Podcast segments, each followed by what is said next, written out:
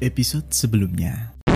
Jadi eh, midlife crisis tuh yang gue paham ya Ron ya, Hmm. itu adalah eh, Nah ini kan tujuan podcastnya konseling virtual.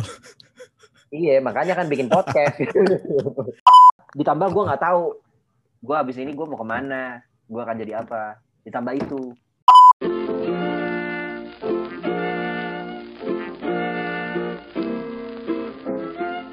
Halo semuanya, balik lagi bersama Rodi dan gua Alam. Di Syabda Dalam.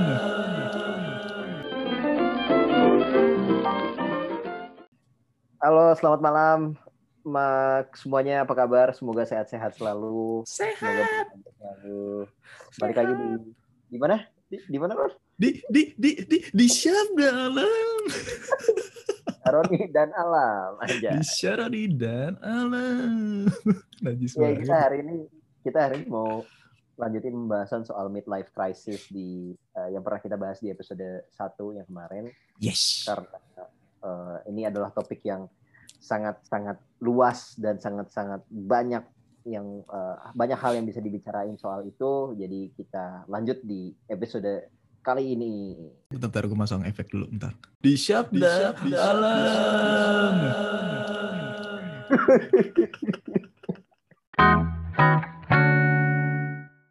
Oh ya, kalau ngomongin Ah, passion, passion. Ah, menurut lu passion tuh apa sih? lu nanya gua. Karena kan waktu itu lu pernah ngirim nih yang apa pem- pembicaraan apa yang video red itu loh yang dari YouTube. Ingat nggak lu? Ted, Ted, Red. Red. Oh, Ted. sorry sorry, gue ingetnya red tuh red tube anjing. TED, TED Talk. Itu ya, iya kan. Iya, iya, iya. Gue tahu Gua alasan lu ngirim itu, itu sebenarnya hampir menjawab keresahan lu ya nggak? Kayak hampir, hampir kan? hampir, Hampir kan? hampir. Di momen itu gue ngerasa, wah, oke nih gue bisa enjoy nih kerja nih, gitu kan. Hmm, hmm, hmm. Terus karena seolah-olah gue ngerasa gue nemu jawaban, akhirnya gue share tuh ke teman-teman gue. Ayo, Akhirnya- lu semua, harus- lu semua harus ngerasain apa yang gue rasain gitu kan. Ternyata ya udah gue balik lagi ke posisi yang waktu itu sebelum gue nonton itu sekarang gitu. Kalau menurut gue, gue nggak tahu ya. Menurut gue yang gue lihat ada banyak ada banyak eh, pengertian sih mengenai passion. Ada yang bilang passion itu adalah hobi lu. Eh, apa yang lu lakuin dan lu suka gitu. Ada lagi yang bilang bahwa perasaan yang yang apa ya perasaan paling general yang mesti lu punya misal gini lu kerja nih lu nggak suka sama kerjaannya gimana caranya lu bisa enjoy ya ya udah lu anggap aja lu ngelakuin kerjaan lu yang sekarang adalah untuk bantu orang lain Nah itu yang gue bilang Nah. tadi kan. Iya, nah anggapan itulah kayak pandangan itulah yang harus lu jadiin passion. Ada yang bilang kayak Heeh. gitu. Iya. Gue sendiri masih masih abu-abu nih. Gue nggak tahu nih, gue passion tuh apa buat gue tuh ya gitu sih kayak. Tapi gue percaya sih bahwa passion itu adalah sesuatu yang lu lakukan karena lu suka. Bukan karena dibentuk. Bisa karena dibentuk, bisa karena ya emang lu suka aja tuh dari dulu gitu. Kalau buat gue yang passion itu sebenarnya emang ada dari dalam da- apa di diri kita dan itu akan bentrok ketika lu mendengar dari perspektif orang lain. Ya lu passion lu motor, otomotif, Hmm. ya kan. Hmm. Terus tiba-tiba nonton video. Passion itu dibentuk eh, karena kita melakukannya dengan cara terus menerus. Oke, akhirnya lu ngubah mindset lu. Oke, ini kerjaan gue, gue jadi begini menjadi passion. Ujung-ujung lu stres. Tapi beda Ya. cerita ketika lu menjadi kan kantor lu eh, kan lu jabatan lu legal juga kan hitungannya. Hmm. Ya kan? Beda cerita ketika lu jadi jabatan legal tapi di suatu perusahaan otomotif. Kayaknya itu akan beda cerita sih. Akan beda cerita. Walaupun emang kerja nama hukum. Ya kan, hukum-hukum juga ngurus-ngurusin perjanjian, kontrak dan sebagainya, nggak ngerti lah apa yang lu kerjain. Tapi kalau misalnya lu baca, wih motor baru nih anjing, kontrak apa nih? Wih desain ini nih, wah gokil, gokil nih buat ini baru gue nih gini-gini gini, cat. Barangnya lu suka. Barang yang lu suka, iya itu. Ini Ron, ada lagi nih. Apa? Kan banyak banget yang bilang ah lu kerja sesuai passion bullshit gitu kan Mm-mm. Eh, yang re- lu rea- realistis realistis saya lah jadi orang gitu lu kerja butuh duit Ah, ya, udah setuju. titik sih sampai situ aja gitu kan Setuju. Gak usah lah lu bullshit kerja sesuai passion bla bla bla bla bla apalagi lu baru kerja 2 tahun tiga tahun ya elah lu baru netes anjir gitu. udah udah berargumen ah gue kerja nggak sesuai passion bla bla bla gitu ada lagi yang bilang gini Ron uh, ngomongin soal passion. Ada lagi yang bilang gini, oke okay, kerjaan lo yang sekarang lo lakuin adalah bukan bukan passion lo, hmm. tapi ada siasat untuk membuat apa yang lo kerjain, yang mana sebenarnya itu bukan hal yang lo suka, tapi lo tetap semangat ngelakuinnya. Yes. Adalah misalkan gini, oke okay, uh, passion lo adalah misal di gua otomotif gitu kan, yang mana passion itu adalah hobi gua gitu kan ya udah kerjaan yang gue lakuin sekarang bukan kerjaan yang gue suka. Tapi ya gue mau nggak mau gue harus ngelakuin ini supaya gue dapet duit. Duitnya gue pakai hmm, buat passion, gue hmm. iya. Yeah. ada lagi yang bilang kayak gitu. Makanya lu mau pakai yang mana? Versi yang mana ya? Nah itu. Bebas. makanya life is a choice. Baik lagi ya. Life is a yeah. choice. Itu pilihan. Perspektif mana yang lo ambil itu menjadi pilihan lo prinsip yeah. mana yang lo ambil itu kan jadi prinsip lo kadang gue ngerasa salah gue kayak gini Ron. Kayak gue nggak punya life goals gue nggak punya target hidup gue hmm. jadi apa jadi orang apa. kayak lo aja salah gimana gue? Astaga. Untuk gue udah kebal sih gue merasa membiasakan diri gue bersalah tuh udah mungkin bertahun-tahun. Jadi sekarang ya jadi bahan humor aja. Lucu-lucuan. Tapi ya itu Ron. Itu apa orang tuh punya perangnya masing-masing. Yes orang tuh punya kegelisahannya masing-masing. Yes, yes. Kayak lu yes. lu lu lagi jalan ke suatu tempat gitu.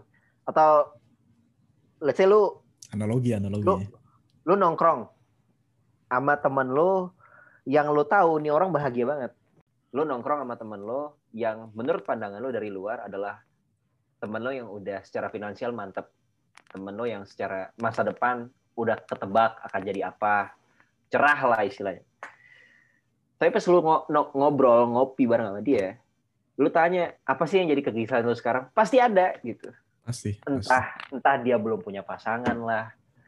Entah dia ini kita bicara dalam konteks di umur umur umur umur kita ya, ya. lahiran 90-an lah 90-an pertengahan 96 gitu. lah 96 kayak gitu kalau misalkan lu tanya kegelisahan lu apa bro? Pasti ada. Entah dia belum dia pengen nikah uh, belum punya pasangan atau dia teman-temannya udah pada punya pacar dia belum punya pacar gitu kan atau misalkan kayak oh iya dia kerja sekarang uh, finansial udah mantap segala macam tapi kerjaannya mungkin nggak direstuin sama orang tuanya hmm, iya. misalkan yeah. gimana ya, orang punya perangnya masing-masing lah gitu midlife crisis ini terjadi di semuanya semuanya sih siapa pun sih dan berakhirnya kapan nggak ada yang tahu gitu bahkan hmm. mungkin barangkali lu di umur 30 tahun aja barangkali lu masih bisa ngerasa kayak anjir gue di sini ini bukan hal yang gue suka men tapi gue udah ngejalanin ini bertahun-tahun jadi mau nggak mau gue harus jalanin gitu kan ya nggak nggak ada yang tahu kan siapa kali siapa siapa tahu lu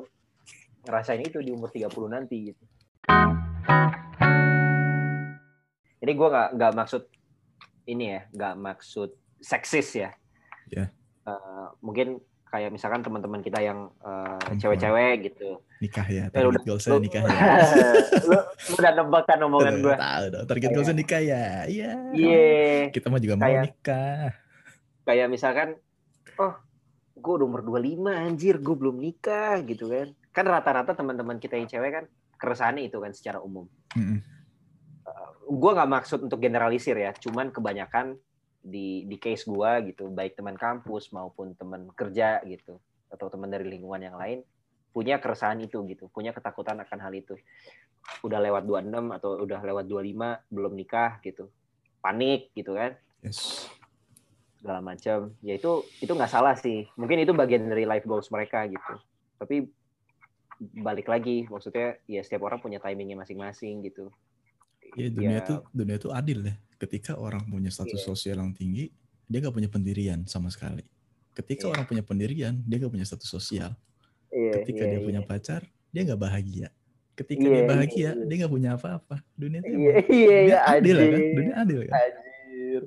I am Tony Stark. I am the the man who has everything and has nothing. Kayak dia kaya banget, dia milioner, dia punya semuanya yang dia mau, tapi dia gak punya keluarga. Ya gitu, ya kan? Bapak ibunya udah meninggal segala macam emang hidup ini gak ada yang gak ada yang ideal gak ada yang gak ada yang perfect gitu gak ada yang ideal gak ada yang perfect tapi lu bisa menjalankan kehidupan sesuai idealisme lu dengan cara yeah. tidak merusak idealisme orang lain saling menghargai hmm. saling menjalani semuanya aman damai tentram Kok damai Iya. sih damai. Iya bener. Terus ini juga Ron, nyambung sama midlife crisis. Mm-mm. Mungkin lu pernah lihat eh, waktu itu salah satu artis Indonesia, ya sebut aja namanya Tara Basro. Dia pernah nge-tweet, kalau nggak salah nge-tweet di Twitter deh. Jangan takut lo baru punya, eh jangan takut lo baru punya mimpi di umur 30. Jangan takut lo baru nemuin passion lo di umur 45. Segala macam. Iya iya. intinya inti inti dari quotes yang dia tweet adalah stop lo mikir bahwa hidup itu berakhir di batas umur 25 tahun gitu. bener setuju. Ya kan? Iya. Bener-bener. Karena karena pikiran orang tuh pasti berubah-berubah. Pasti, Kayak iya, preferensi lo akan berubah-ubah gitu. Bener, bener. Seiring dengan berjalannya waktu gitu. Kan udah dikatakan Allah dapat membolak-balikan hati manusia dengan mudahnya kan. Seperti Ya, membalikan telapak Masya Allah. tangan. Iya kan, masya Allah. Eh, Ini Allah disclaimer, gue jarang sholat. sholat Jumat tadi, ya sholat dong. Setuju. Bakal si apa kan si siapa? Doci, Do, itu Doci PWG kan. Dewi Gaskin. Pokoknya gue nge-tweetnya dia. eh lu bisa di umur 35 tahun dan masih belum bisa berguna, itu wajar katanya. Hmm. Tapi jatuhnya kayak anjing sampai 35 tahun lu masih belum jadi orang berguna gitu. Cuman Setahu gue Ron, setahu gue eh sorry, gue potong. Setahu gue sekarang dia dia gak, dia bikin komik setahu gue. setahu lu ya, gue gua nggak ngikutin dia sih, soalnya emang nggak nggak nggak fans banget gue. Hmm. gue fansnya itu sama sama gue. Gue tuh orangnya narsis kayak soal mungkin mikir kayak misalnya di umur yang sekarang mungkin teman-teman yang udah punya pacar sekarang kayak gue gue sekarang punya pacar gitu kan somehow gue jadi ngerasa gue harus mikirin ke depan gitu. Ini hubungan mau gue bawa, bawa ke mana? Mau dibawa pa- pacaran dalam tanda kutip berapa lama gitu kan? Karena itu resikonya sih gue pacaran sama orang yang seumuran ya ini bukan beban sih buat gue ini bukan bermaksud bilang kalau ini beban kalau misalkan pacaran di apa sama orang yang umurnya sama, misal sekarang kita start di 24 tahun. Otomatis karena kita mikirin umur ceweknya gitu ya. Ya practically lu punya waktu 1 sampai 2 tahun doang gitu. Lu masih bingung ke depannya akan seperti apa, akan seperti apa. Mungkin lu mikirin kalau yang punya pasangan kayak gue perlu kalau kalau gue nikah nanti eh, bisa kayak gue ngehidupin orang gitu, ngehidupin anak orang. Ini case-nya cowok ya. Hmm. Terus kalau misalkan udah punya anak nanti gimana ngedidiknya yes yes gitu. suka gue Terus pembahasan ini Nanti- suka nanti lu mau sekolahin anak lu di mana ya kan? Karena Yes. pikiran karena karena pilihan sekolah itu penting sih kayak karena kan misal pendidikan negeri sama swasta kan beda. Yep. Lu mau sekolahin anak lu di swasta apa negeri gitu. ini berdasarkan Terus- pengalaman lu sekolah di luar negeri ya karena emang Enggak beda kan pendidikannya kan eh sih lu Oh, iya, Indonesia iya, dibully sih ya. Iya anjing. Tapi bener sih Ron, pendidikan swasta sama negeri beda. bagusan mana Eh. kalau menurut lu gue gak pernah di swasta eh pernah SD cuman swastanya biasa aja Gue kan waktu itu SMP eh, ini ya swasta Islam ya. Mm-mm. eh, kayak swasta Islam karena kebetulan swasta Islam gitu ya. Jadi pendidikan agamanya lebih lebih lebih kencang gitu kan. Ada eh, ngaji segala macam kalau di negeri kan beda ya. Negeri kan lebih umum. Mungkin lebih fokus pada akademik gitu. Terus kayak kita sadar kalau misalkan di sekolah doang lu nggak bisa ngandalin sekolah doang untuk membentuk mindset di anak lu. Yes. Ya kan? Pola pikir terus pendirian prinsip. Yes, itu kan mulai dari dari dari rumah kan. Yes yes. Benar-benar mungkin lu bakal bakal mikir bisa nggak ya gue nanamin itu? Gitu di anak gue gitu.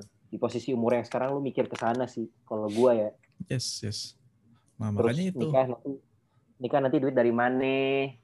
Kayak gitu gitu kalau kata orang mah nikah murah mahal resepsinya iya iya setuju. Sisanya mah Bener. kompromi. Udah Iya. gimana? Kamu butuhnya apa? Aku mah nggak banyak banyak kok. Kamu sisihin aku aja gaji per bulan segini nanti aku masakin ini tuh ya. Kamu jam bekal aja nggak usah jajan oke? Gitu. apalagi Ron? tapi bener sih maksudnya kalau gue lebih mi- milihnya gini.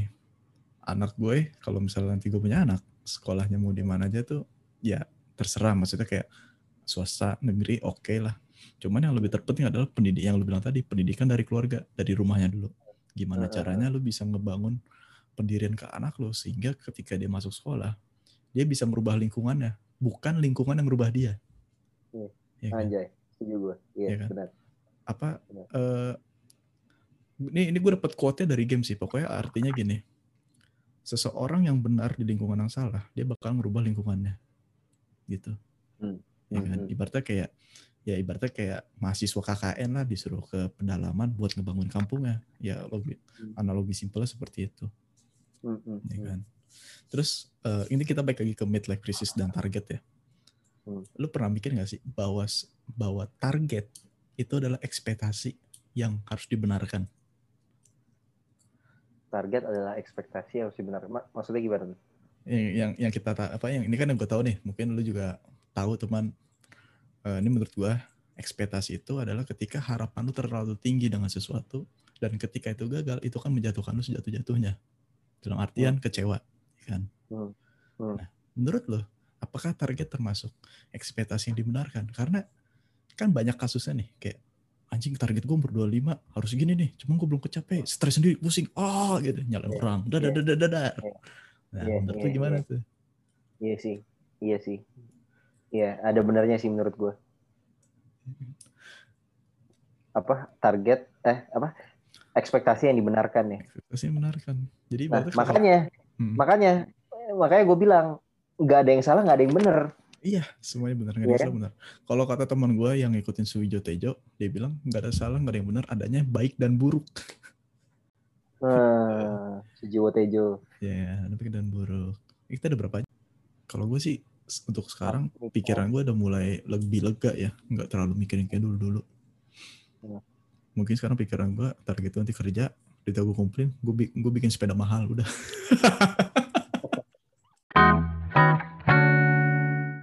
Eh, banyak banget sih yang bisa dibahas soal midlife crisis karena apa yang kita bahas di sini barangkali belum belum, Belum mencakup. Yep, semua secara keseluruhan gitu. setuju. Tapi ya mungkin ini bisa kita omongin di maksudnya di di segmen episode yang lain Yes, di gitu. episode selanjutnya ini kayak bakal jadi dua bagian juga sih. Karena midlife crisis kan ini hal yang kejadian secara berkelanjutan. Kayak lu bakal nemuin pengalaman-pengalaman dan feeling-feeling baru yang berkaitan dengan hal ini dan mungkin itu bisa kita jadiin bahan buat obrolan lagi ke depannya. Oh iya kita terima kritikan ini juga ya. Terima kasih kita Oh, kritikan. Nggak usah lah ya. Mungkin sampai sini aja kali obrolan ya, di sini. soal midlife crisis hari ini karena kalau dilanjutin bakal panjang banget dan bacot banget dan ngebosenin kayaknya. Jadi kita lanjut di episode yang lain lah untuk ini. yes, alam benar. Oke, cukup sekian dari Sabda Alam, Ya. Syaroni dan Alam. Sampai Sampai ketemu di alam berikutnya. Dadah.